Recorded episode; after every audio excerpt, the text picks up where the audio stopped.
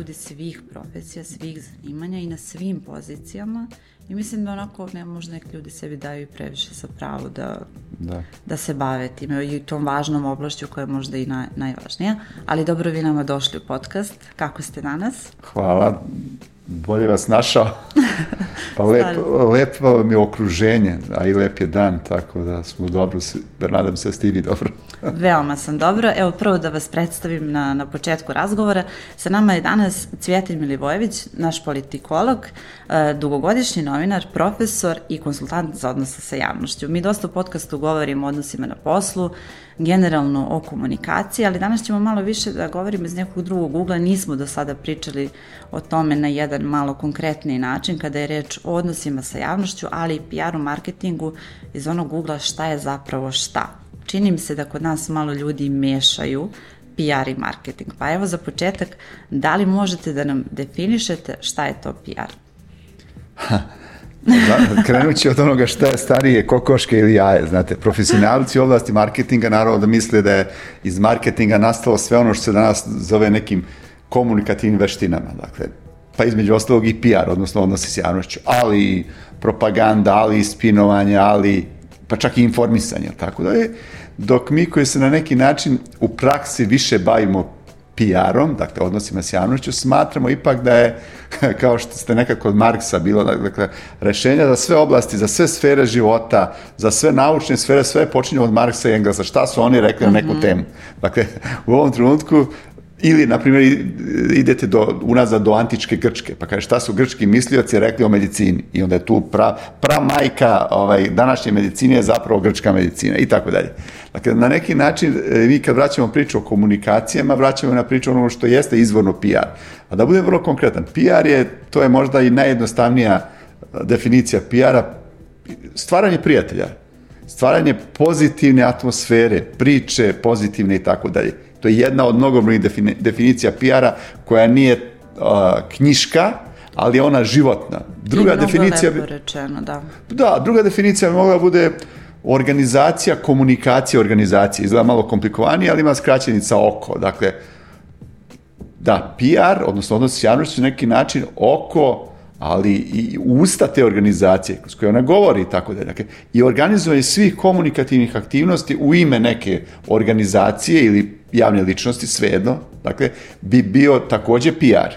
I treća, možda i najbolja definicija, mislim da je autor te definicije naš čovek, Laza Džamić, da je PR zapravo uh, onaj ideal 3i, ideal, to je prvo i, jednako i, jednako i. Šta to znači? Ideal dobrog PR-a, dobre PR akcije, PR kampanje, jeste da identitet bude izjednačen sa imidžom. Identitet neke organizacije ili nekog pojedinca, dakle javne ličnosti obične ličnosti, mhm. -huh. da bude jednak njenom imidžu. To je idealna situacija. Naravno, to je skoro pa nemoguća situacija, jer obično imate nekada su elementi identiteta nekoga ili neke organizacije bolji nego njegovi njegov imidž, što znači da on nije na pravi način prodao sliku o sebi u javnosti. Na drugoj strani imate situaciju da se dešava da imate bolji imidž nego što vam identitet, to znači da ste uložili previše sredstava, kadrova, rada u izgradnju imidža, ali da ne prati ono što je osnovna stvar, dakle, identitet, dakle, ono što ste vi, vi, vi to niste na neki način dogradili, izgradili i tako da je.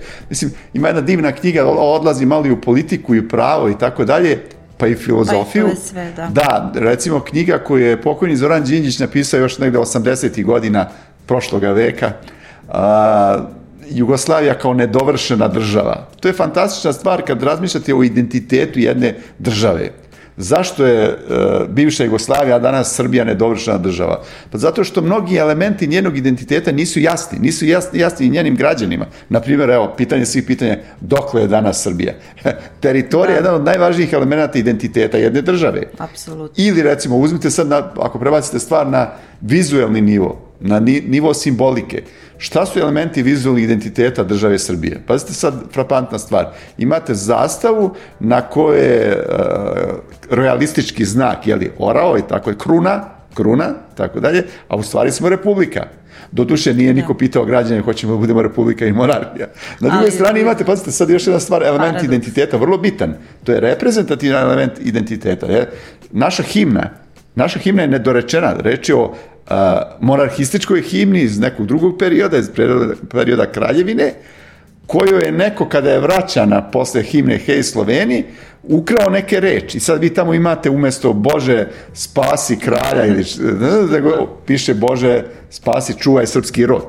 Jeste, da, to su sve uh, vratit ću se na, na malo na, na kompanije kada se radnici identifikuju sa kompanijom, koliko je. je zapravo važno šta je imidž kompanije, kako se on plasira, kako mi reagujemo na njega i danas izuzetno radnici biraju gde će da rade na osnovu nekog imidža u javnosti. Samo jedna digresija, kad ste Kaži. pomenuli tu temu, ja se sećam, ja sam svojevno i studentima na Fakultetu političkih nauka i na nekim drugim predanjima uvek tražio neke studije, slučaje da objasnim ljudima nešto. I između ostalog, ta priča e, svojevremeno je e, Smedrevska železara koja je bila u vlasništvu američkog uh, US Stila, je li? Bila je sad, zvala se Satid, ja mislim, tada. Jeste.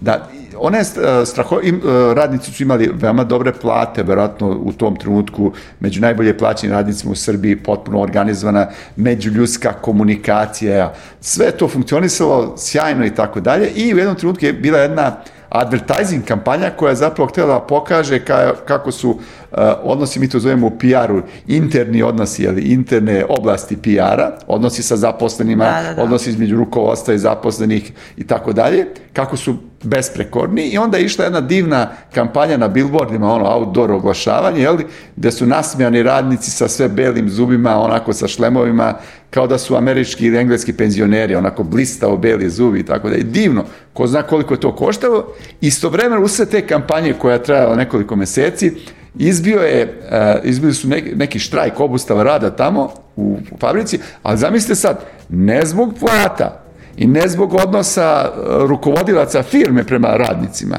nego iz jednog banalnog razloga, ne znam, bili su nezadovoljni kako sindikat, na primjer, zastupa prava radnika. Pa, da, dakle, eto, dakle, da. to su ti frapante sad, da vi ulažete puno u vaš imidž, a u stvari ono što je identitet, ono osnova, što bi rekao Mark, koja pominjem, baza, je li, nije dorađena, nije e, dograđena u pravom smislu reči. Pa upravo se mnogo i vodi računa o radnicima, o tome kako će oni da se osjećaju na poslu, ne samo kako, kako rezultat će da proizvedu, nekako zapadne kompanije to i donose kod nas više, čini mi se, nego ove naše. Evo sad ste rekli, nekada je mnogo bilo važno da li radiš za američku kompaniju, za nemačku kompaniju. Danas već možemo da se pohvalimo, radim za dobru srpsku. I koliko je generalno e, taj imidž važan za radnike i kako, šta vi mislite, da li oni biraju zaista kompanije na osnovu toga kako se kompanija predstavlja u javnosti. I šta je možda, eto, možete i paralelu da podvučete šta vaše iskustvo govori, da li je većina na onoj strani da zaista to jeste što se predstavlja? Pa nažalost nije.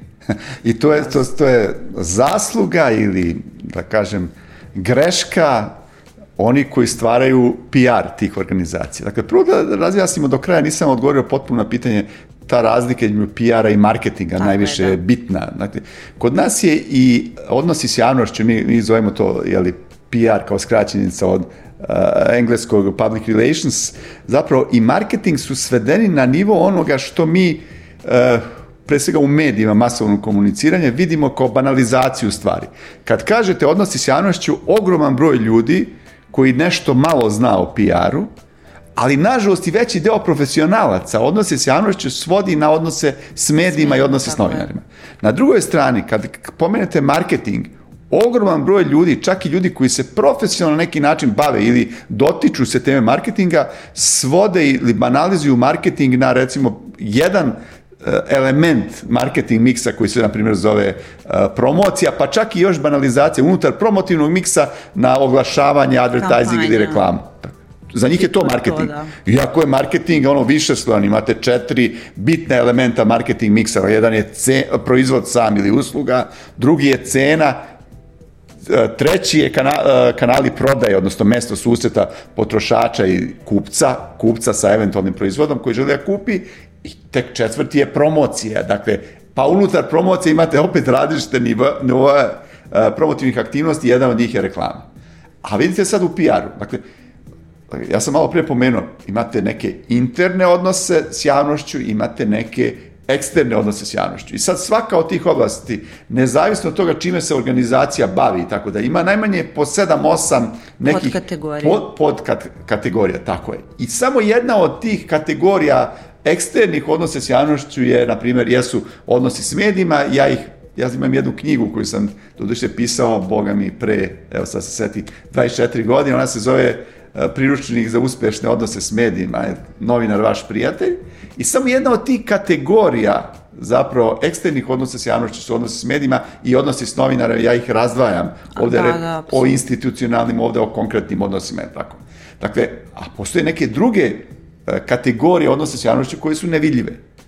I nažalost, kažem, e, i naši profesionalci u oblasti komunikacija, bilo da reč o marketingu, PR-u ili nekim drugim srodnim oblicima, ja ih zovem manipulativnih komunikativnih veština, ne mislim ništa ružno, Ali, Manus mani maskulinum, je tako, ruka, ruk, ruka, dakle, rukovanje, rukovanje, rukovanje. Šta, šta vam je manipulisanje? Pa rukovanje nečim nekom istinom, nekim podacima, nečim i tako dalje. Sad, da li onom više ili manje moralno ili tako dalje, da li je etički, manje ili više tako da mi možemo reći, aha, recimo, odnosi s javnošću, tu ljudi ne znaju, imaju takođe neke svoje etičke standarde, kao što Absolutno, novinarstvo ima. Da. Novinarstvo je primjenjeno, dakle, zasnovano na onom što se zove informisanje kao teorijski predložak informisanje bi trebalo da bude apsolutno etično, jer mi u novinarstvu imamo sva udruženja novinara širom sveta, etičke standarde, kodekse, znači nema laganja, čuti dve strane, objektivnost, nepristrasnost i tako dalje.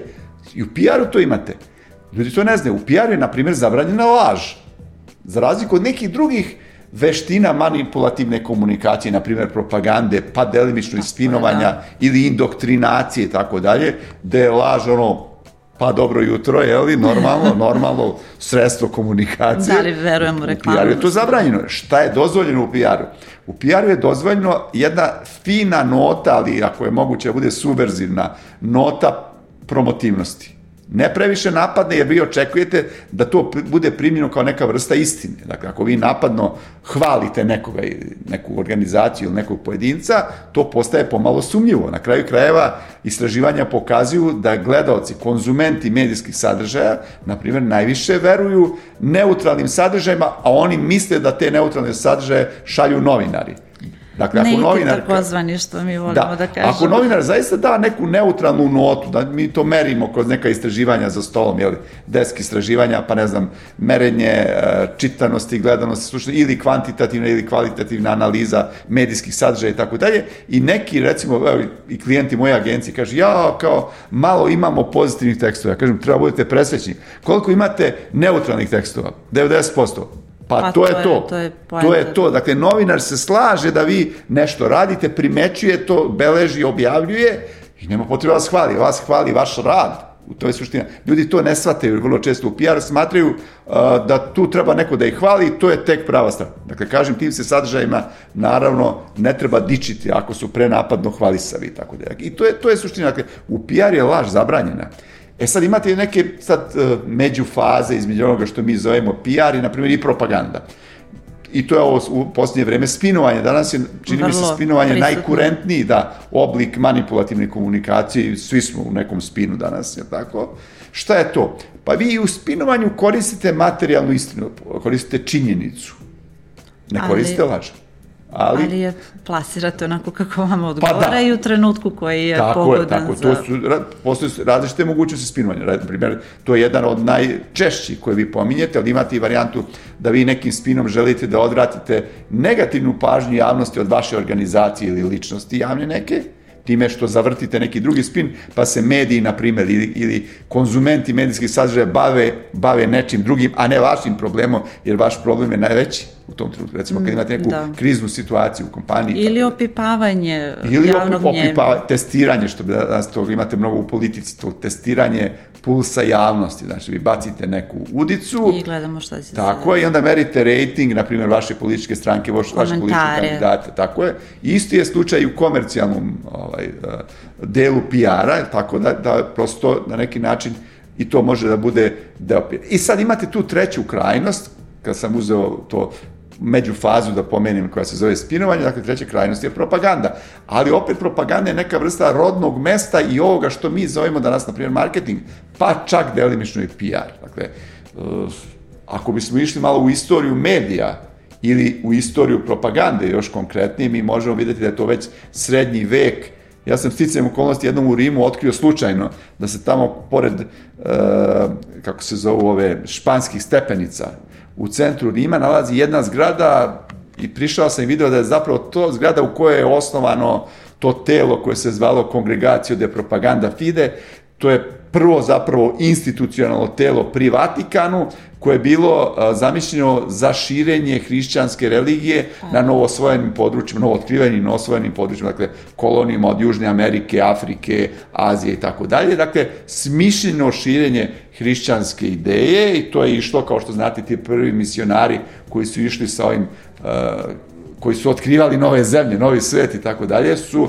u početku nudili da to bude milom, a potom silom. I se mi vraćamo danas, ne znam, 500 godina ovaj, unazad, odnosno unapred odemo i dolazimo u vreme, danas imate takođe eh, štap i šargarepu, dakle neke moćnice. I sad, naravno svi sad pogotovo momci koji su gledali westerne ili čitali stripove sa divljeg zapada i tako dalje, znaju šta znači vatrena voda, na primjer, ili ne znam, ja neke džinđue, minđuše za skvo i tako dalje, to je bio prilaz tim indijancima, dakle, starosedeocima tih prostora, da im se, ne znam, viski i tako dalje, ako to ne ide, sledeća opcija je sila. E, to vam je propaganda. Dakle, propaganda je jedna vrsta prisilne sugestibilnosti, da se koriste sva, sva zakonom dozvoljena, ali i nedozvoljena sredstva radi, na primjer u ovom trenutku, uh, širenje neke ideje.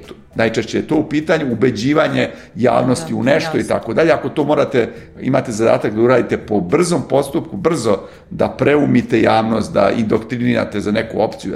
Mi sad gledamo to recimo u, u zapadnoj Evropi, sad Austr, uh, a gledamo i na drugom delu sveta koji navija za onu drugu opciju kako se brzo javnost u tim zemljama pokušava preumiti da je crno samo sa one strane i obrnuto. Dakle, da. to, I to se radi bez pardona, dakle, tu se koristi laž. To je ogoljena laž. Vi znate, to vam je kao pred američkim sudom, vi tamo se zaklinjete, u stvari, ako ste optuženi, vi se može braniti lažom. Ali ako ste, ne daj Bože, svedok, vi ako lažete, vi se tamo zaklinjete, ako lažete, bit ćete krivično odgovorni i vas će procesuirati. Potpuno je da, da. Čud, Tako da imamo i tu, i naravno i postoji još nekoliko, pošto smo već otvorili tu priču o različitim oblicima manipulativne komunikacije, postoji, na primjer, indoktrinacija. To je jedna propaganda na duže staze, na decenije ili vekove čak i tako dalje. Naravno, ja sam starija generacija, pa ja to pamtim i uvek plastično to objasnim šta to znači u mom slučaju. Kad sam napunio sedam godina i bio prvi razred osnovne škole, nas su 29. novembra, to je bio dan Republike, jel tako, postrojavali, davali, davali nam pionirske kape i marame, jel? Plava kapa sa crvenom petokrakom i marama crvena, jel tako, ko vrata. Mi smo postajali članovi Saveza pionira Jugoslavije. Da. Nije nas, niko nije pitao za 7 godina da li hoćete da učite onda vas dalje kroz uh, vaspitanje, kroz obrazovanje zapravo na neki način indoktrinaju za sledeću pa, fazu. Vi već kad napunite 14 godina, ta ste sedmi razred osnovne škole, vi postajete članovi Saveza socijalističke omladine Jugoslavije i dalje vas opet nek, niko, ne pita, ne pita da. a reč je o jednoj parapolitičkoj organizaciji, iako je tad postala samena stranka. E, tek kad napunite 18 godina, vi ste već izgrađen čovek, maltene, sa 18 godina smo išli već u vojsku, kad završiš srednju školu ideš prvo u vojsku, pa onda se vraćaš na fakultet. Tako su muškarci. Vi napunite 18 godina, e, onda vas pitaju, ako vas predlože, da li ćete da budete član te jedne jedine u tom trenutku stranke koja je bila komunistička. Dakle, tek sa 18 godina vas prvi put pitaju. Vi ste za 18 godina indoktrinirani bili za socijalističko samoupravljanje, bratstvo i jedinstvo, ne znam više koje su bile te se floskove koje se koristile. Dakle, završili koliko, ste već. Koliko je danas uh, ta vrsta komunikacije prisutna i da li, da li je vidljiva, da li može da se da. prepozna, da. uh, pogotovo kada je reč, na primjer, u odnosima radnik-poslodavac da. i uh, nekako mi se čini da postoji nešto što se danas zove i manipulativni menadžment, pa da namerno pušta neke negativne, negativne stvari u firmi. Znate, ja sam se oduševio kad tamo negde pre jedno 15 godina, uz 15 tako je, u Srbiji je kao pošast počelo da se širi nešto kao ljudski resursi. Kao otkrili smo rupu na saksiji da u me, mo, modernom menadžmentu postoji neki ljudski resurs i nažalost čast tim ljudima koji se bavaju tima, nažalost tako reći deca koja su tek juče došla sa nekih fakulteta, upadaju u velike kompanije i to što vi kažete manipulativni odnos menadžmenta sa ciljem i zadatkom da smanje broj zaposlenih u tim kompanijama a dolaze sa nekim svetskim znanjima i nikakvim iskustvom. E vidite, ja malo posetim. nismo mi tada otkrili rupu na sakciji. Ono što se zvalo, zvalo kadrovska politika je u našim preduzećima postojali u vreme socijalizma. Te kadrovske službe su postojale, zvali su ih drugačije ali one su bile mnogo humanije pa u odnosu na... Pa danas se to, evo, samo digresija, danas to već zove upravljanje ljudima više. Upravljanje, nije, tako, tako je, otišli smo korak dalje, tako je upravljanje, pazite, upravljanje ljudima. Nažalost, ja znam dosta tih ljudi koji su bili, kako ste u to vreme pre 15 godina zvalo, uspešni menadžeri za ljudske resurse i tako, za upravljanje ljudima, za menadžment ljudima, da budemo konkretni i koji su na kraju završili dosta neslavno. I čak su sa jednom vrstom griže savjesti izlazili tih kompanija, jer su na duši, nažalost, oni nisu krivci. Neko im je naredio smanjite broj zaposlenih sa 500 na 200. I onda su oni pravili razne, kriterijume, pozivajući se na navodna svetska iskustva, razne, razne da. istraživanja, ankete, psihotestove i tako dalje i ubeđivali te ljude koji se 20 i 30 godina dobro bavili svojim poslom, da oni ne znaju ništa, da ih je pregazilo vreme, da treba što pre da se pokupe i budu zadovoljni ako mogu da dobiju neku otpremninu. Dakle, to je. Na sreću, toga je danas sve manje. Jer, do duše, umeđu vremenu se desio i taj proces privatizacije, transformacije vlasničke, u mnogo čemu nakaradan, u nekom delu je dobar, jer znate, kad imate konkretnog vlasnika neke kompanije, on zna šta njemu treba, šta ne treba. Kultura Njemu ne treba uh, menadžer ljudskih resursa. On zna šta njemu, koja je njemu, pozicija ne, bitna. Kakav profil čoveka mu je bitan. Na kraju krajeva zna da je nekad bitnije iskustvo u nekom poslu, nego to da li ste vi uspeo preko noći da naučite neka nova znanja koje su, ta znanja, ako si ih naučio teorijski su neupotrebljiva na konkretnu poslu i tako dalje. To je jedan segment. A drugi segment, evo kad već pominjamo, došlo je tu vi ste me pitali za to potrebu da se radi u nekim kompanijama koji imaju imidž nečega kompanije koje dolaze iz nekog sveta. Pa jednom trenutku jeste bila pošla za tim. Ali mi sad vidimo da, nažalost, dobar deo stranih investitora za koje smo mi mislili da su ono najbolji na svetu ili tako dalje, zapravo je došao ovde na pet godina, došao je na pet godina pod nekim, sa nekim ugovorima, sa ogromnim subvencijama za svako radno mesto, otvoreno i tako dalje, što u prevodu znači da ni dinara neće uložiti svog novca u plate radnika za tih pet godina. Nažalost, plate su ili minimalni ili blizu minimalnih, čast izuzecima, imamo mi i ozbiljnih investitora, ali nažalost njih je mnogo malo u odnosu na ove. Da. I kad već pominjemo tu priču, pa vidite, I redko ne, neću govori imena kompanije, ali vidite, dve kompanije iz dve zemalja, iz dve zemlje zapravo za koje smo smatrali da su ozbiljne zemlje u ekonomskom smislu reči makar i tako dalje. Jedna je sa istoka, jedna sa zapada. Imate ponižavanje radnika, to više nije e, mobbing u onom pravom smislu, to, je sada ponižavanje u naj, najogoljenijem ljudskom smislu reči. Pa imate situaciju da neko posle toga umre, ne daj Bože, tako dalje. Ili da je bio prisiljen da, da nosi da. pelene na drugoj strani, tako dalje. Dakle, dakle to, kakvi, kakva je to priča sa ljudskim resursima? Šta smo mi to dobili od tog menadžmenta ljudima? Pa dobili smo to što smo dobili.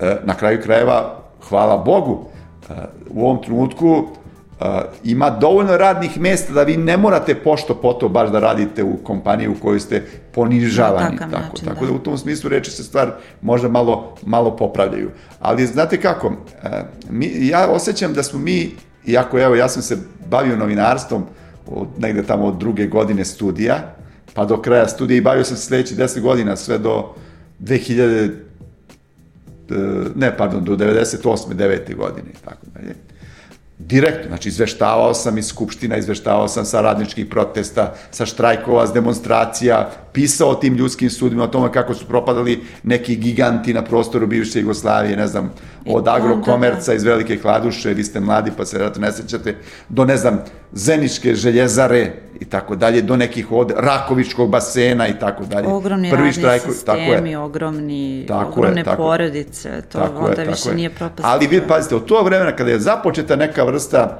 uh, vlasničke transformacije, tih kompanija, tadašnjih radnih organizacija i osnovnih organizacija udružnog grada, do danas to traje, znači evo, uzet ću recimo 89. godinu ja sam počeo da pišem u listu politika i sećam se štrajkova radnika iz Rakovice. Iz početka su bili ti pravi sindikalni štrajkovi, a potom izmanipulisani politički štrajkovi i tako dalje i tako dalje.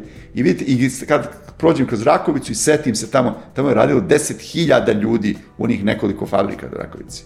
Danas ne radi ni jedna. Tamo gde je bio rekord, danas je neki tržni centar. Da. E, tamo gde je DMR, DMR, on je doduše bio i bombardovan i tako. Nema ništa. A tamo su se proizvodili neki motori za avione, za mi traktore. apsolutno za ne nemamo proizvodnju danas ničega. Koje, ali i dalje prisustimo toj vlasničkoj transformaciji u kojoj neko dobro, očigledno ume da bunari i tako dalje. Ja vidim da povremeno se pojavi informacija da je taj prostor, evo imamo sad IMT Novi Beograd i tako dalje, ali Rakovica takođe zanimljiva i neki drugi u blizu centru grada i tako dalje, da se neki ljudi kao, pojavljaju kao vampiri koji su postali tada kao neki rukovodioci nekih tih preduzeća socijalističkih, potom kao uspešni biznismeni, danas su oni mega biznismeni, Privrednici, to se danas tako kaže. cenjeni privrednici i tako dalje i tako dalje i dan danas se nešto prodaje, preprodaje od te imovine koja se tad zvala društvena, odnosno Alajbegova slama, bila je ničija i svačija. Dakle, nek, mi ni ovde nismo imali, sem časnih izuzeta, mogućnost da radnici koji su radili u nekim fabrikama, da od tih akcija koje su, makar na osnovu radnog staža koje su proveli tamo, nešto zarade. Sem knjaz Miloša, ako se dobro sećam, tamo gde su, ali nesrećni radnici tada su pokupali automobile, pa danas nemaju opet ništa, tako dalje. Ne umeju da ih I iskoriste. nekoliko pivara, je li tako?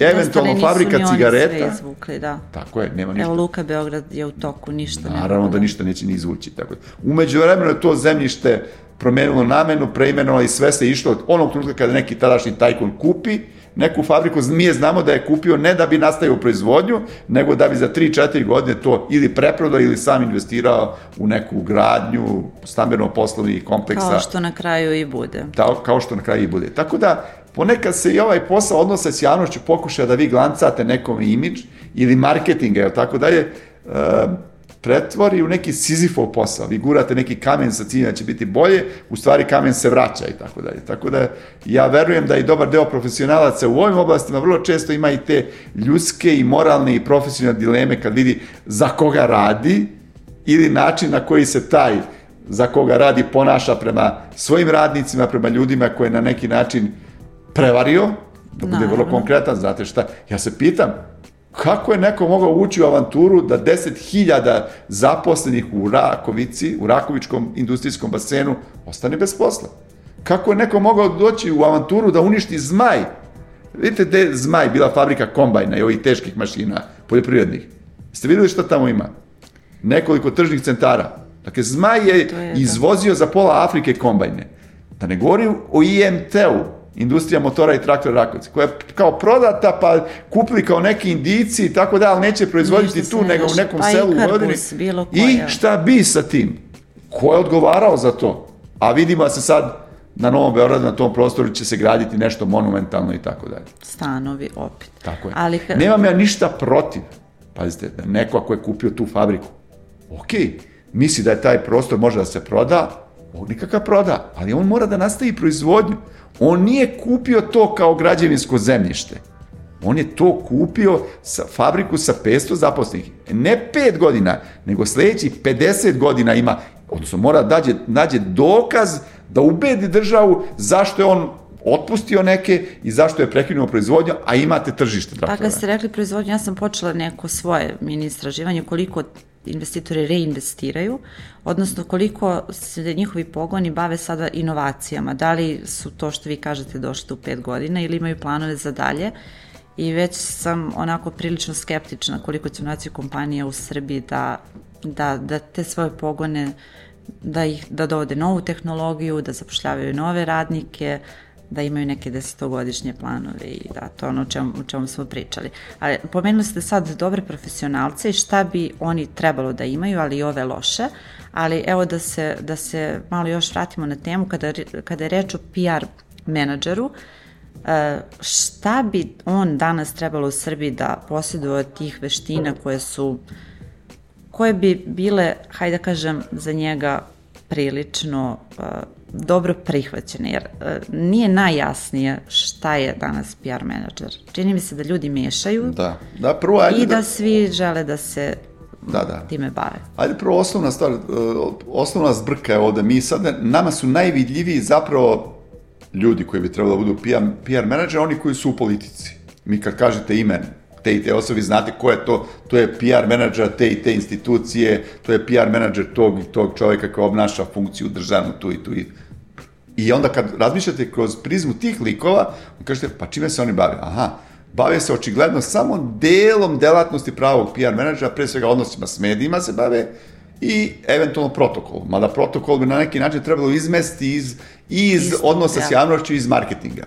Ali, nažalost, to je, kod nas je to sve svedeno na istu stvar, ali, nažalost, vrlo često se bave i onim što se bave popularno rečeno bodyguardovi, jeli, ili ti telohranitelji medijskih zvezda. Dakle, Šta je recimo jedan telohranitelj medijske zvezde kod nas vrlo često? On istovremeno i njen PR menadžer i menadžer za ugovaranje koncerata, na primjer ako je reč o pevačici, vrlo često i dečko te pevačice i tako dalje i tako dalje. Jedna vrsta vlasnika tog medijskog proizvoda koji se zove pevačica.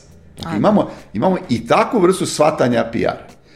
Prvo, PR menadžer kao što samo ime, ako prevedete na srpski, znači šta je, on upravlja komunikacijama. To je njegovo domicilno. Upravlja komunikacijama Istovremeno vi kažete, a, on je port parol. Port parol nije ista stvar, kao što znate. Port parol, prevedite sa francuskog, porte parol znači nositi reč, nositi glas. On je neko ko prenosi nečije reči.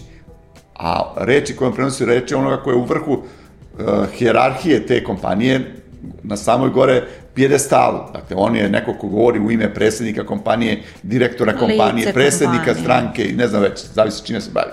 Tako je lice koje nema pravo na autonoman stav. Dok PR menadžer ima pravo na autonoman stav, dakle na svoj stav, jer je on autoritet koji, koji u oblasti komunikacija te kompanije najbitniji autoritet. Vrlo često vi znate u ovim velikim ozbiljnim kompanijama jedan od potpredsednika borda direktora ili potpredsednika kompanije je obično zadužen za komunikacije u najširem smislu reči, i za odnose s javnošću, i za marketing, i za druge vrste komunikacije. U najširem smislu reči. To je drugi ili treći čovjek kompanije. Jeste, jeste. Tako je u politici. Najčešće je ti port paroli ili PR menadžer, ja ih zovem, pošto u, u strankama je puno tih PR menadžera zapravo latentnih, oni se predstavljaju kao port paroli, postaju potom predsjednici stranke. Pa znate šta, e, šta još... Kao što ministri informisanja da. postavljaju predsjednici države i predsjednici vlada, najčešće. Da, napravit ću opet digresiju da su, na primjer, šefovi kabineta određenih ministara, sad ih gledamo stranački, zato što se upravo, što vi kažete, miješaju funkcije koje obavljaju i vi sada imate profesionalca možda na čelu kabineta sa odnosima sa javnošću nekog ministra, a on uopšte nije u stranci, ali ga ljudi vezuju i imam, da, da. sad ne navodim primer, ali baš ovaj, koleginicu koja, koja će možda sutra biti u problemu da nađe drugi posao, jer je apsolutno vezuju za, jer nije iskomunicirano na pravi način. Ja ću navesti dva najbitnija primjera, dva u ovom trenutku verovatno politički najjača čoveka u Srbiji su. Jedan je bio dugo godina generalni sekretar jedne stranke i faktički njen port parol, a potom ministar informisanja 99. godine i od 98. On je danas predsjednik države, gospodin, Vučić. Drugi je moj kolega s fakulteta, koji je bio 15 godina port parol Socialističke partije Srbije, a zove se Ivica Dačić. Dakle, čovjek je danas predsjednik stranke. Dakle, dva ključna čovjeka u našoj politici, u, u državnom vrhu su ljudi koji su došli faktički iz sveta PR-a. Pa jeste, da i shvatamo zapravo važnost i upravljanje komunikacijama. Koliko nam komunikacija na samom poslu odmaže ili pomaže, to je naročito važno u Srbiji, tu i ja smo o tome malo načeli tu temu, da se radnici danas plaše da iskomuniciraju određene stvari, da traže već platu, da traže sastanak sa šefovima, pa i u samom kolektivu nekada možda su stidljiviji, da. možda su novi, imaju neke svoje razloge. Ja sam se pitao za to, to, to je pitanje i uvek postavljam sebi pitanje, da li postoji, ja to nisam našao, da li postoji mogućnost da neki poslodavac zabrani sindikalno organizovanje u svojoj organizaciji, makar ona bila i apsolutno privatno vlasništvo njegovo? Ja mislim da ne postoji zakonska mogućnost. Ja mislim da postoji. Ali vrlo stidljivo sam čak testirao i neke sindikalne lidere iz ovih naših sindikata, razno, najvećih sindikata, najvažnijih, kako oni kažu, reprezentativnih. Niko mi to nije znao da objasni do kraja. Pa i oni su možda A vrlo dobro da znamo da, da postoji zabrana sindikalno organizovanje u mnogim kompanijama u Srbiji. Pazite, jel, meni je nelogično, recimo imate pravo da se sindikalno organizujete u vojsci i policiji, ja navijam za te ljude, svaka im čast, ali nemate pravo da se organizujete u nekoj kompaniji samo zato što je njen vlasnik, na primjer, ne znam ja, neka, neki privatni investitor, strani još, tek tad ne smete. To je propust sindikata. Drugo, ja se sećam recimo u, vremena, u vreme uh, jednopartizma, sindikati su bili oni koji su štitili radnička prava. I radnika koji je imao strah da iskomunicira svoj problem sa poslodavcem, sa direktorom firme, onda se on obraćao sindikatu. Sindikat je bio taj posrednik, taj PR menadžer radnika prema rukovodstvu. I sećam se posle 2000. godine, kada je krenulo taj malo veći talas privatizacije ovde, da su čak i mnoge fondacije strane pomagale našim sindikatima u, na neki način, njihovom osposobljavaju, osoblja, osposobljavanju, tako je, za snalaženje u novim vremenima. Između ostalog i u prostoru komunikacije. Evo, ja sam baš učestvovao na nekim seminarima, predavao sam odnose s javnošću, to, to je finansirala fondacija nemačkih socijaldemokrata Friedrich Ebert Stiftung za potrebe, recimo, vojvođanskih sindikata, državnih i ne znam uh -huh. koji su još bili, tako da. Dakle, tamo su ih učili kako da komuniciraju s javnošću. U nečije ime. U ime radnika koji su njihovi članovi, koji su članstvo i tako da. I to je bilo možda prve dve, tri godine posle 5. oktobra, posle to stalo. Ja zaista ne vidim danas, dakle, ne treba radniku, svakom radniku pojedinačno uh, trening iz oblasti komunikacije s javnošću. Njemu je potrebna ozbiljna sindikat. A Bogu hvala imamo sindikata koliko hoćete. I svi se u svakoj kompaniji tamo ubiše od toga da dokažu kako su baš oni reprezentativni tako. Da, da. Ja mislim da radnik ne vidi tu vajde. Pa Prava ne. radnika, pogotovo nažalost kažem u kompanijama gde je najveći broj stranih investitora, ne kažem svim, neće, ta prava prosto ne postoje. Ta prava su svedena na prava možda iz onog predratnog perioda pre drugog svjetskog rata u Sovjetskom savezu. Ta radnička prava. Ali tamo se moglo, jer je Sovjetski savez kao i bivša Jugoslavija bio definisan kao diktatura, pazite sad, diktatura proletarijata. Pa je proletarijat valjda bio već na vlasti, pa svaki radnik pojedinačno nije imao taj problem, jer je on već na vlasti. Tako, tako se barem pričalo. Znači, ovde su postavili... Uh, pazite, u vreme radničkog samoupravljanja, to je negde od sredine, uh, ajde kažem, 70-ih, je pravo radničko samoupravljanje, pa do 90. 15 godina najmanje u punom smislu kao bilo zaživelo. Ma kako nama je izgledalo smešno da su u radničkom savjetu bile, mogli da budu i čistačice, iako je firma koja se bavi visokim tehnologijama, nije bitno, ali one su takođe predstavljale određeni broj radnika. Kako ne? To nije bilo dobro sa stanovišta biznisa, jer žene nisu znale da se bave tim poslom, verovatno, i da na pravi način doprinose idejama, pa ako hoćete i glasanjem za neke odluke koje su bile poslovno pogrešne i tako da. Ali sa stanovišta zaštite onoga što su radnička prava i radnički interes, to je bilo dobro. A danas kako vam to, jeli, danas čini mi se da završavaju ono što smo pričali samo kod HR-a i da njihovo pravo zapravo... Pa otprilike, to je limit, da dođeš do HR-a, ako pokušaš korak dalje, završavaju kao neki ovi, kako se zovu, zovu ovi uh, buditelji javnosti, jeli?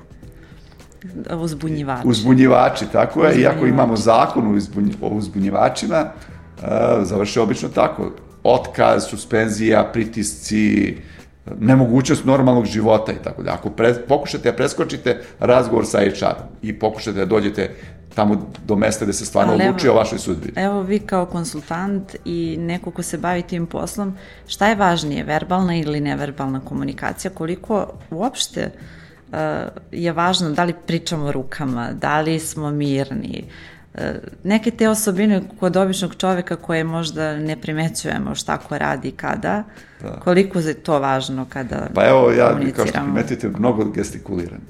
Takođe, ob, obaram I ste, ove, I vi primećujem da i vi to isto da. radite, dakle, ali ja mnogo više.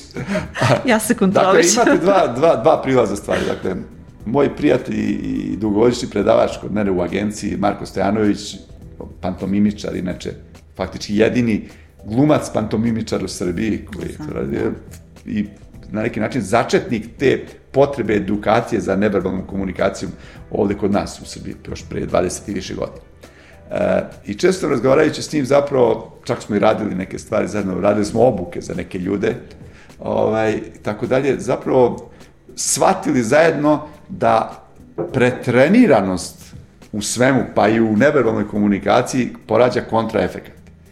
Ja sam često, pošto sam pisao i kolumne i neke knjige i tako da iz oblasti političke komunikacije i često uzmem primjer recimo naših bivšeg bivšeg predsjednika Borisa Tadića koji je čovek uvek imao manire, imao nastup, smirenost, dakle, kraj krajeva čovek je psiholog po obrazovanju, dakle, potpuno jasno, ali u trenutku kada je postao predsjednik Republike, očigledno ta ubrzana škola neverbalne komunikacije učinila je da ja njemu više ništa ne verujem. Ta potreba da se ispoštuje forma, ako je standard da ovo znači ovo, onda ću ja uvek to raditi, bez obzira da li to mislim. To. Ako je standard da ne smijem da dižem ruke i tako da je da, ako je standard, i, i to je izgledao kao pretreniran političar. To je bio kontraefekat. Dakle, on je trebao da ostane ono što je bio. Kažem, on je bio dovoljno fin, što bi rekli naš narod, fin u obhođenju sa ljudima, da nije trebao da ide korak dalje. Ili uzmite neke današnje političare na vlasti. Dakle, mi smo, evo, naš sadašnji predsednik takođe. I to je potpuno jasno, pošto znamo svi da je fond, ova druga nemačka fondacija, koja, nemačkih uh, demohrišćana, takođe sam predavao na nekim njihovim kursevima, je dosta uložila u neki način, njima je sestrinska stranka, Srpska napredna yes. stranka, uložila između ostalog u edukaciju njihovih rukovodilata, članova i tako da je, pa i u tom smislu reči. Ali tu je reč o copy-paste varijanti, znate, to što je Vučić radio prvih nekoliko godina svoje vlasti je zapravo bila copy-paste varijanta kako to u neverbalnom smislu komunicira Angela Merkel. I to što sa Angelom Merkel izgleda normalno, to nije normalno. Ovde je reč o muškarcu koji viši od nje za metar i tako dalje i tako dalje. Čoveku koji dolazi iz druge političke uh, priče, koja je bila mnogo agresivnija u verbalnoj i neverbalnoj komunikaciji. Dakle, ne možete vi preko noći promeniti čovjeka. I meni je mogu priznati sad kao i profesionalca na neki način čovjeku koji prati ovu našu javnu scenu, mnogo simpatičnije kad vidim naših sadašnjih predsjednika kako ponekad iz tog šablona izađe i pa čak da to bude i neprijatno, kad se naljuti, kad, da. da, kad se zacrveni i tako da, jer to je on. To je on.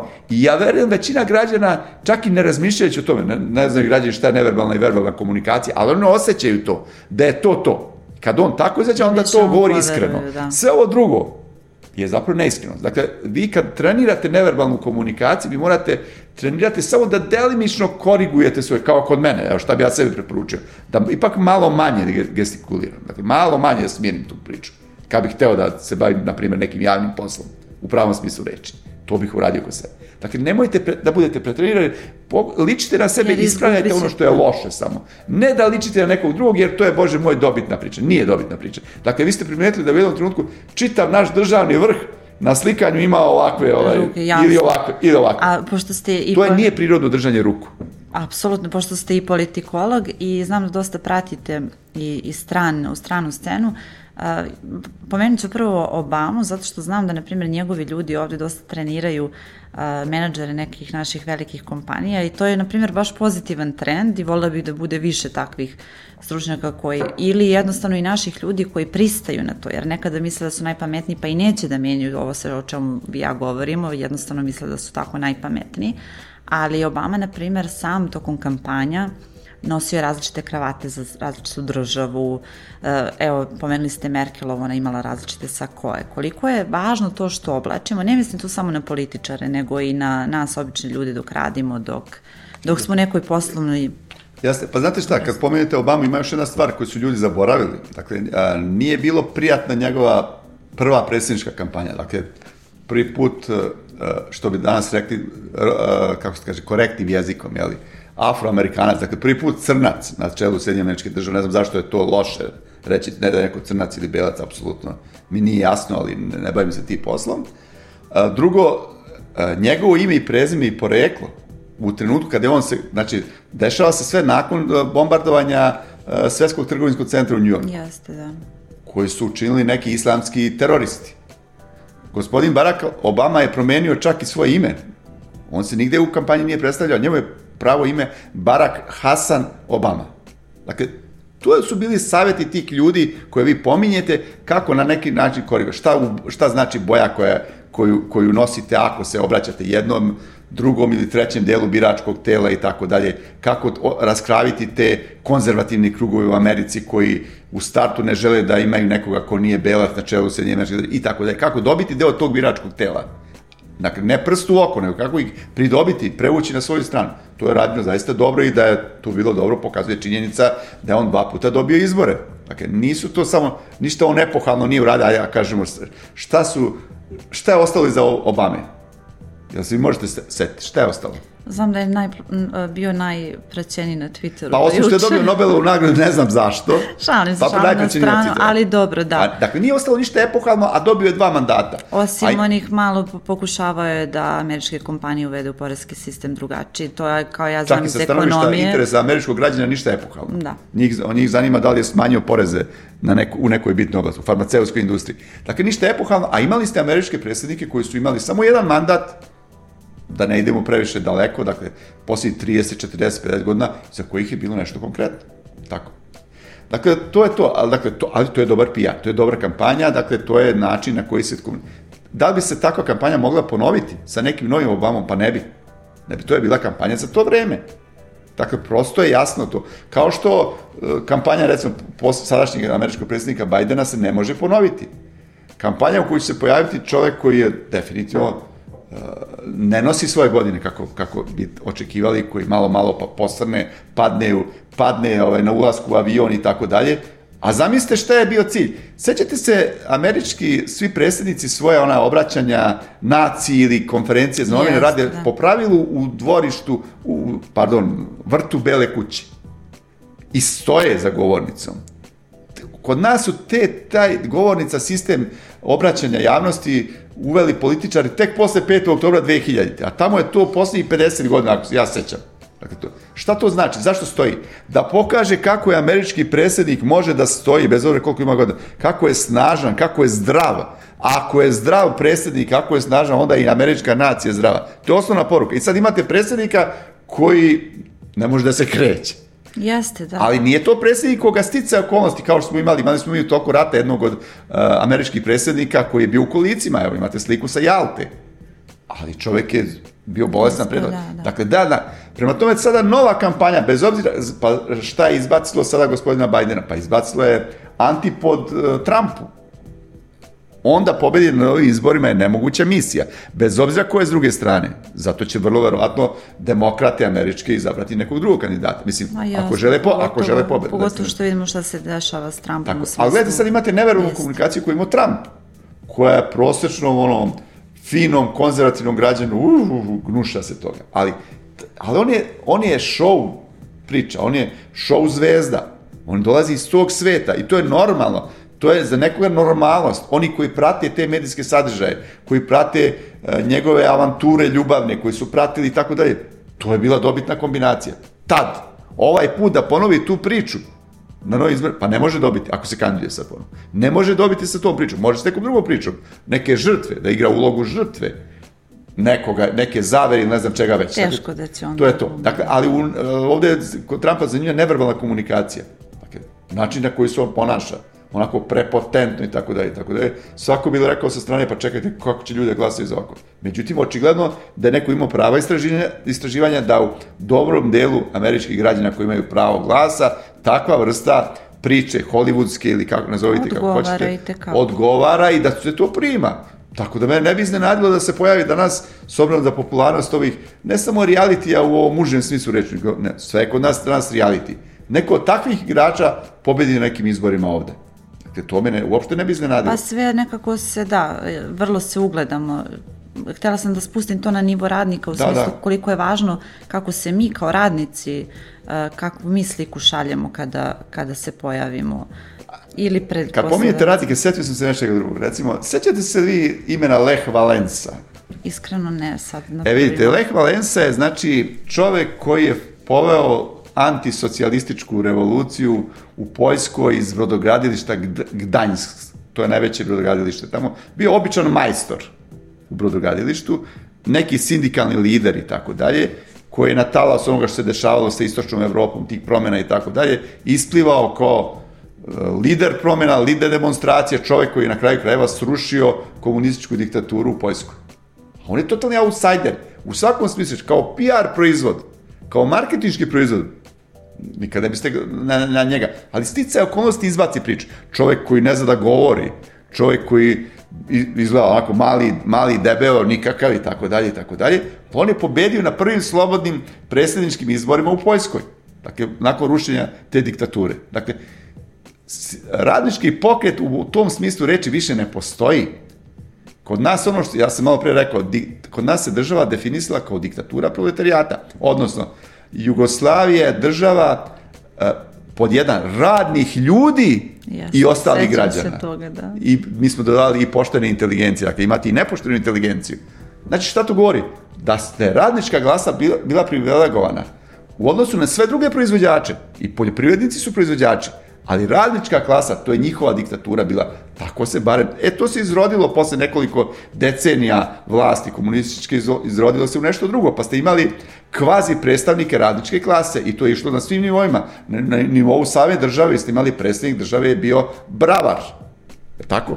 Kao Ali da, pokoliko se, htjela sam samo opet igrati. ali od toga što je on bio bravar, hoću da kažem, nažalost ispostavilo se na kraju radnici nisu imali previše koristi u posljednjoj fazi njegove vlasti. Zato što se on nije ni bavio time čovjek. Bio u, tim godinama kad nije mogao da odlučio bilo čemu. Unutar same radničke klase je sindikalno organizovanje bilo nešto što je trebalo bude reprezent toga kako dišu radnici, proizvođači i tako dalje, a ne nekakve prve petoletke, eh, radnički savjeti i tako dalje. Dakle, sve se je odrodilo radnici koji su došli, počeli kao radnici se odrodili od onoga što je bilo to. Tako mi danas, kad odete u sindikat, u svojoj firmi, vi primate platu iako ne radite svoj posao, nego za, primate zato što ste funkcioneri u sindikatu. Dobijate privilegije, pa ako vas izabere u neki granski sindikat, odoste oho, oho, sutra odatle direktno se regrutujete u politiku i postajete ministar. Imamo i nekoliko sindikalnih lidera koji su bili ministri od 2000. na ovamo, a prethodno su bili sindikalni lideri. Dakle, vidite kako to funkcioniše. Odrodiše se od onoga koji ih je stvorio. Tako da radnici u krajnjem slučaju nemaju, nemaju tu vrstu predstavnika i oni sad sami moraju da bore za sebe. Jedan pritisak koji bi trebalo da čine preko sindikata je nemoguć pritisak. Kako onda oni nesreći da iskomuniciraju neki svoj problem?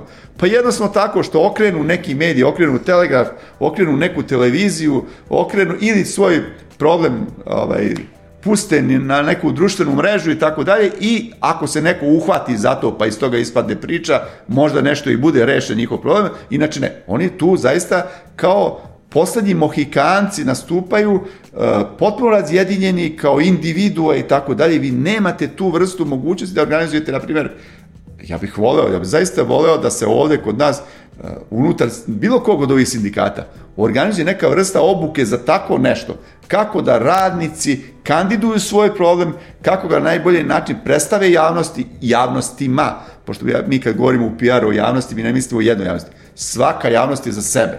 Dakle, imate više strukturiranih javnosti. Mi ne govorimo o javnom mnjenju kao što je političko javno mnjenje. Mi govorimo delo, javnost su i drugi građani, ali javnost su i oni radnici koji rade u istoj firmi ili rade u sro, srodoj Da, firmi. naravno. A javnost su i donosioci odluka, oni koji mogu da utiču. A javnost je i pravosuđe i tako dalje. Dakle, u tom smislu reči. Ja bih, kažem, vrlo rado kad bi neko od tih sindikata, rekao, evo, besplatno bih održao nekoliko predavanja tamo. Ali očigledno da ne postoji potreba za to. Ja verujem da... Ili se ne vidi možda, ili ono što sam ja Pa htjela ja da pitam, primetio. postoji Ajde, taj... ajde, podsjetite me, da li ste vi u poslednjih 10 godina primetili, ili 20, primetili nekog radnika koji je sa svojim slučajem rešio slučaj, zahvaljujući svom uticaju u javnostima, na neki način došao do neke pozicije, kaže, e, to je onaj koji je bio radnik, koji je radio to i to, a i danas radi to. Ne, ne, nema Ja znam da će sad možda mame preduzetnice, sad su one krenule. Pa, pa Možda- moguće. da. Ali dobro, ali to je, Ali to je jedna, drug, da, da, put. Vi naravno, kad idete preduzetnice, one kreću, ne znam, a pogotovo kad kreću o start-up priče. Oni od početka se pripremaju za nešto, sad koliko će one... Ali su se samo organizovale, to što kažete, To da. nisu, ovaj, To da. nemaju predstavnika. Ali postoji nešto što je strah od, od javnog nastupa i uopšte strah od komunikacije ili komunikacije bilo koje vrste. Kako prevazići taj strah? Da li postoje neki... Tu postoje dva straha. Taj što vi govorite, on jeste domicilni strah od javnog nastupa. To je primeren svakom građanu. Ali postoji strah od nekog imaginarnog gore, da se to sme reći, šta će reći, ako ja to kažem, kako će reagovati i tako dalje. To je nešto to, i to je nažalost u kontinuitetu postoje, ja pamtim 40 i kusur godina unazad, ali postoji očigledno od 45. na ovamo. Smenjuju se vlasti, a taj strah od toga, pa znate, većina naših ljudi, običnih ljudi, koji rade neki posao koji nije ništa ono bezbednostno zanimljiv, jel, što biste reklo, se kaže, Da, nemoj to, ili napiši mi to, ili nemoj Ili preko puc. telefona. Da, da. Putem telefona, jel? To, da. to je druga, i ta, kad pomirite ta dva straha, jedan je imunentan, da, strah nastup u javnosti je ozbiljna stvar. Ali to se leči poslednjih generacija, pogotovo vi mlađi generacije. Vi to lečite tako što ste odmah, čim ste rodite, odmah ste bačeni na ta, prikačeni, bolje rečeno, na ta sredstva, opštila, komunikacije razno razna, jel tako? Vi drugčiji ne živite. Tako. To su telefoni, snimanje odmah. Tako je, vi ste, vi ste faktički komunikator sam za sebe. Vi se bavite ozbiljnom komunikacijom, da li vi to tako definišete ili ne, da li ste svesni ili niste, ali većina je svesna. Pa onda šta znači ti youtuberi, influenceri i tako dalje, oni daju značaj sebi i svoje komunikacije, oni neki žive od toga, pazite, on sebe, on, on je toliko hrabar da on se oslobodi, on sebe snima, on sebe nudi javnost, očekuje neke lajkove, očekuje neke reklame od toga i tako dalje i tako dalje. Dakle, kažem, mlađe generacije taj strah imaju manje, postoji. Moja generacija, starije generacije pogotovo, imaju taj strah. E, čak mislim da deo, možda ne još moja generacija, ali pa, dobrim delom i oni, imaju strah od mlađih generacija. Pazite, prirodni strah od svoje dece, od svojih unuka i tako je. Zašto? Jer misle da su oni tehnološki superiorniji i da prosto će ih pogaziti. Što je, nažalost, i sad kad vratimo na naše kompanije, ja sam vam dao primere, nekoliko velikih srpskih kompanija koje su privatizovane, koje su bile državne, društvene kompanije. Prvo što su radili ti ljudi iz uh, eh, HR službi, jeste bilo da počiste sve oni koji su imali više od 40 godina. Ne ulazeći u to šta taj čovek zna, znate. Istovremeno vi vidite, uzmite ove kineze, vidite ko vodi Kinu, su ozbiljni ljudi, to su ljudi, to nemate čoveka tamo koji je mlađi od 30 godina, Tačno. da je u neku vrhu, u neke kompanije vlasti i tako da. Ima evo, ove... Nemačka je, i opet digresija, e, tako prestala je. da zapošljava cel generaciju zato što smatra da nisu dovoljno motivisani za posao, da mi je bitnije sve drugo osim posla i jednostavno da, su prestali. Da, deo kompanija koji to ide, prosto, prosto ovaj, uh, tu postoji dakle opravdan strah od nastupa u javnosti, a pogotovo priče o sobstvenom problemu jer se plaše da čime, time što će ogoliti neki svoj problem u nekoj kompaniji koji imaju kao radnici, navući odijum onih koji odlučuju o njihovim glavama, o njihovim sudima, ali nažalost navući i nesolidarnost od ostatka svojih kolega, jer će oni takođe uplašeni za svoje pozicije reći šta bre ovaj otvara tu priču, bolje ja čuti i tako dalje. Dakle, toga imate. Vi ste u jednoj, kažemo opet, on, vraćam stvari na, na vreme socijalizma ovde, na ovim prostorima Vi ste imali neku lažnu ili ne znam kako, ali imali ste radničku solidarnost. Imali ste te pokrete solidarnosti. Pa na kraju krajeva e, sindikati naravno funkcionišu na drugi način. Imali ste ljude koji su bili spremni da i u ona vremena, neki kažu kokuzna ili kakva već, nešto kažu. Pa ste imali, ja se sećam, neki, neki labinski rudari tamo, neki tamo u Istri rudari koji su, to je, to je početak 80-ih, ja da sam išao još, da sam krenuo u srednju školu, ne mogu da se setim, to je bilo. Sećam se toga, pa to je tema, znači, zamislite u vreme, i to ne politički štrajkovi, nego štrajkovi za prava radnika, da se iznose konkretni problemi i tako dalje. Dakle, bilo je nekako više hrabrosti. E sad, inače ovo vreme, e, pogotovo visokih komunikativnih tehnologija je vreme otuđenja, to je jasno. Da našim mladim generacijama je dovoljan njihov aparat, nazovite kako hoćete, to opštilo s kojim oni komuniciraju, zamenjuju tom virtualnom stvarnošću neku, neki pravi život i prema tome oni nemaju potrebu da se okupljaju, da i, pa čak i da sede u kafanama. A pogotovo da, ne znam, ako njihov neki kolega ima problem, ne znam, sa nekim profesorom na fakultetu, ne može da položi ispit, da izađe za solidarno sa tim kolegom zatraže da, da se taj problem reši. Vrlo malo to možete vidjeti. Neka su studenti ustajali ono za malo, malo, pa mladi radnici su ustajali. Ja vam kažem, ja sam sigurno za deseta godina koliko sam se bavio aktivnim novinarstvom i tako da je, Iako se nikad nisam bavio ekonomskim novinarstvom, što hoću da kažem, bavio, ili sam bio u Beogradskoj rubrici, ili sam se bavio političkim novinarstvom. Ali sam izveštavao sa sigurno 20 uh, e, mitinga, protesta, štrajkova, koji nisu bili politički, nego su bili izuzetno socijalno, ekonomski zahte i potpuno jedna priča. A sad ja ne mogu da se setim, evo, Pa imamo osjet... socijalno-ekonomski savjet, samo što se sastaje... Ali on je zamena za ono što bi trebalo da bude rešavanje radničkih prava, zahteva i tako. Da. Šta je socijalno-ekonomski savjet?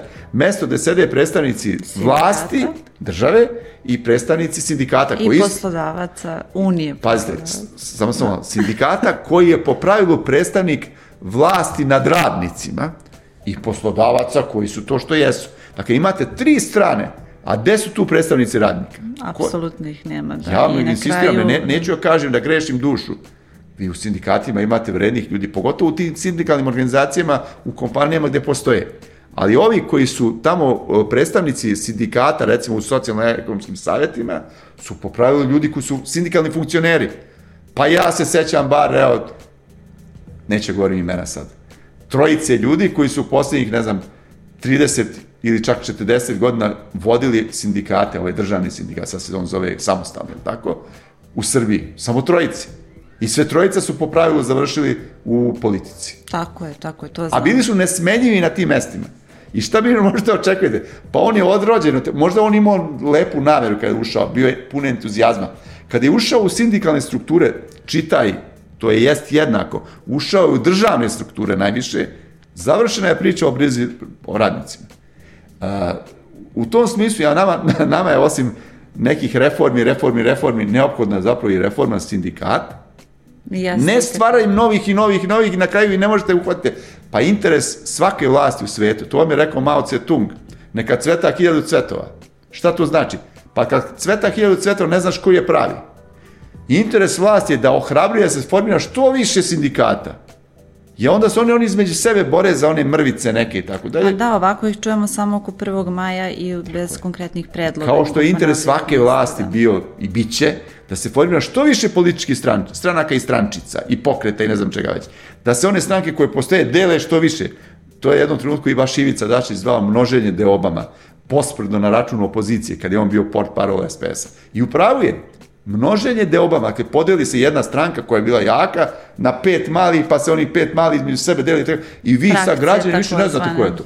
Isti slučaj sa sindikatima. Meni kad kažu granski sindikati, nezavisnost, nezavisni, samostalni, pa svaki od njih je i granski, a pa onda imaju i po teritorijalnom organizovanju, pa to... Ljudi moji, Da, koja je adresa? Da. Ja da sam sad radnik u nekoj firmi, koja je adresa koju se ja obraćam da mi reši problem? Na kraju... Da me zastupa.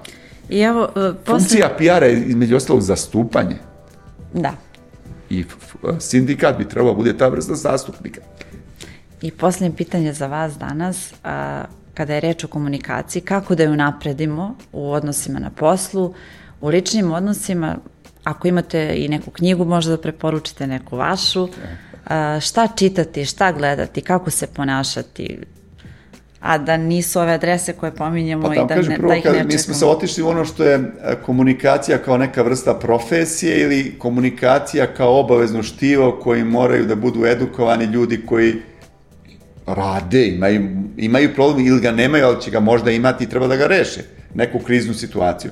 Ali vratimo stvar na početak, samo šta je komunikacija u najširnom smislu reči? Komunikacija je zapravo e, prenošenje informacija. Šta to znači? Treba da imate najmanje dve osobe, dve, najmanje dve strane, jedna drugoj hoće da prenese, prenese neku informaciju, hoće da čuje njen stav, da oslušne njen stav i tako dalje, da eventualno nešto koriguje u svom ponašanju. Mislim, to je suština svake komunikacije, interpersonalne komunikacije. Pođimo od toga, dakle, kako unapređujemo svoju komunikaciju? Tako što komuniciramo sa ljudima, tako što se učimo da e, informišemo ljude o tome šta mi radimo, da ih e, pokušamo da ubedimo u nešto što je naš stav, ali istovremeno osluškujemo, korigujemo i učimo nešto od drugih ljudi. Dakle, naučite da govorite, ali i da slušate. To je jedina prava komunikacija. I to I da čujete. Tako je, da slušate i čujete, da. Ne samo da slušate, nego i da čujete. I da zapamtite i da eventualno nešto od toga primenite kod sebe. Tako se uči, to je vam industrijska špijunaža, potkradanje, tako, ako se vratimo na, na biznis. Dakle, uh, ako tako zamislimo komunikaciju, onda nam je jasno šta nam je činiti u nekoj drugoj komunikaciji koja ima neku upotrebni cilj, upotrebnu vrednost i tako dalje, i tako dalje. Dakle, to je, Da li se to može učiti? Pa naravno se može učiti. E, ima ljudi koji su samouki, što bi se reklo. To on je talentovan za javni nastup. E, ne zato što on rečito govori, ne zato što previše zna, nego ume da pogodi šta slušalac prima k znanju i možda i primeni. A pogotovo ako je taj slušalac neko ko donosi odluke. Ja sam, juče sam slušao ponovo Bogoljba Karića i svašta je on ispričao tamo. Okrenuo Bože sačuvaj. se. Promenio politiku, ne znam ja, odnos prema Rusiji, da. a, sad on zagovara Evropsku uniju, ali tako Proevropsku, nije da. bitno. Nije bitno, ali pazite, on je mene držao 40 minuta, ja sam slušao to. I mora prihvat nešto toga što je govorio je on potpuno razumno. Čovjek govori na osnovu svog životnog, poslovnog i svakog drugog muzičkog, pošto je bio muzičar i tako dalje. Dakle, i vi sad slušate, znači, on drži pažnju 40 minuta. E vidite, Znači, I to neko ko se time bavi, to ste vi u smislu je, da je bilo da... Ja se, dobar deo toga sam se smejao, krstio sam se tako da, ali nešto sam zapamtio, kaže, pa ovo je upravo, ovo je, ovo je sjajno, znaš, prosto uh, ima i takvih ljudi, ali kažem, ipak stvari se uči, a učite ne tako što ste izolovani, što ste autistični za sve dešanja oko vas, što ste zatvorili u svoju sobu u svoja, i mislite da ste sva znanja ovog sveta pokupili tako što imate svoj čarobni Google, jer ne znate vi, ali zna Google. Znači, ne morate znati ni jedan jezik, ni kineski, ukucajte na Google i pričate normalno sa ljudima koji sede s druge strane i tako dalje. A da ne govorimo o nekim drugim znanjima, dakle, osnovni znanja koje treba imati iz neke oblasti. Nema veze, zna Google. Ne znam da popravim, da odvrnem sijalicu, ali ima na Google kako se odvrće. Dakle, ne to, nikako to. Naravno, koriste prednosti tih savremenih tehnologija, ali komunikacija između ljudi, čovjeka sa čovjekom je osnovna komunikacija. Na kraju krajeva, da biste došli do ove veštačke inteligencije, pa nije veštačku inteligenciju izmislila veštačka inteligencija, nego je izmislio čovjek. Iz, izmišlja je, smišlja je, dorađuje i tako dalje. Dakle, u tom smislu reči. Morate tu biti, a pogotovo ako ste osuđeni na neki kolektiv, da radite negde, u nekoj kompaniji, gde sutra može da bude neki potreba da tražite solidarnost kolega, ili da vas razume poslodavac u pravom smislu reči i tako da je. Pa kako ćete to doći u tu poziciju da možete da zatražite tu solidarnost? Pa tako što ćete prethodno graditi preventivno tu dobru komunikaciju s kolegama. Od onih protokolarnih, ono ceremonijalnih tipa, setite mu se kad je rođendan i tako dalje, što se podrazumeva ili ne znam šta već. Nađite mu se ne samo u dobru, kad treba da idete na neku žurku, nego i, ne daj Bože, kad ima problem, bolest ili ne daj Bože neki, neku smrtni slučaj, ne znam šta već, kad je njemu potrebna vaša pomoć i tako da. U tom smislu, ako komunicirate svakodnevno, dakle, u životu, onda ima šanse da se i u onoj komunikaciji koja ima jedan vrlo jasan cilj, ponekad i egoističan i tako dalje, možete na pravi način da dođete do tog cilja. Mnogo vam hvala što ste bili naš gost. Ja bih sa vašim savjetima završila, jer ste rekli stvarno konkretne savete. Hvala I, i vama. I mi se vidimo sledeće nedelje, gledajte nas na, na Telegraph Business, učitajte na, takođe na Telegraph Businessu, uh, slušajte na YouTube, Spotify, Apple i Google platformama, vidimo se. Lepo ste ovo rekli zato što ljudi nekada misle da im je dovoljno ako, da će ljudi uvek da pamte po dobrom, a zapravo kada je loše svi žele da izbegnu i nikada da, I opet nađu neki razlog čega to čini. Da. Ne bi sad da mu se... Da, da mu se meša. Da, da.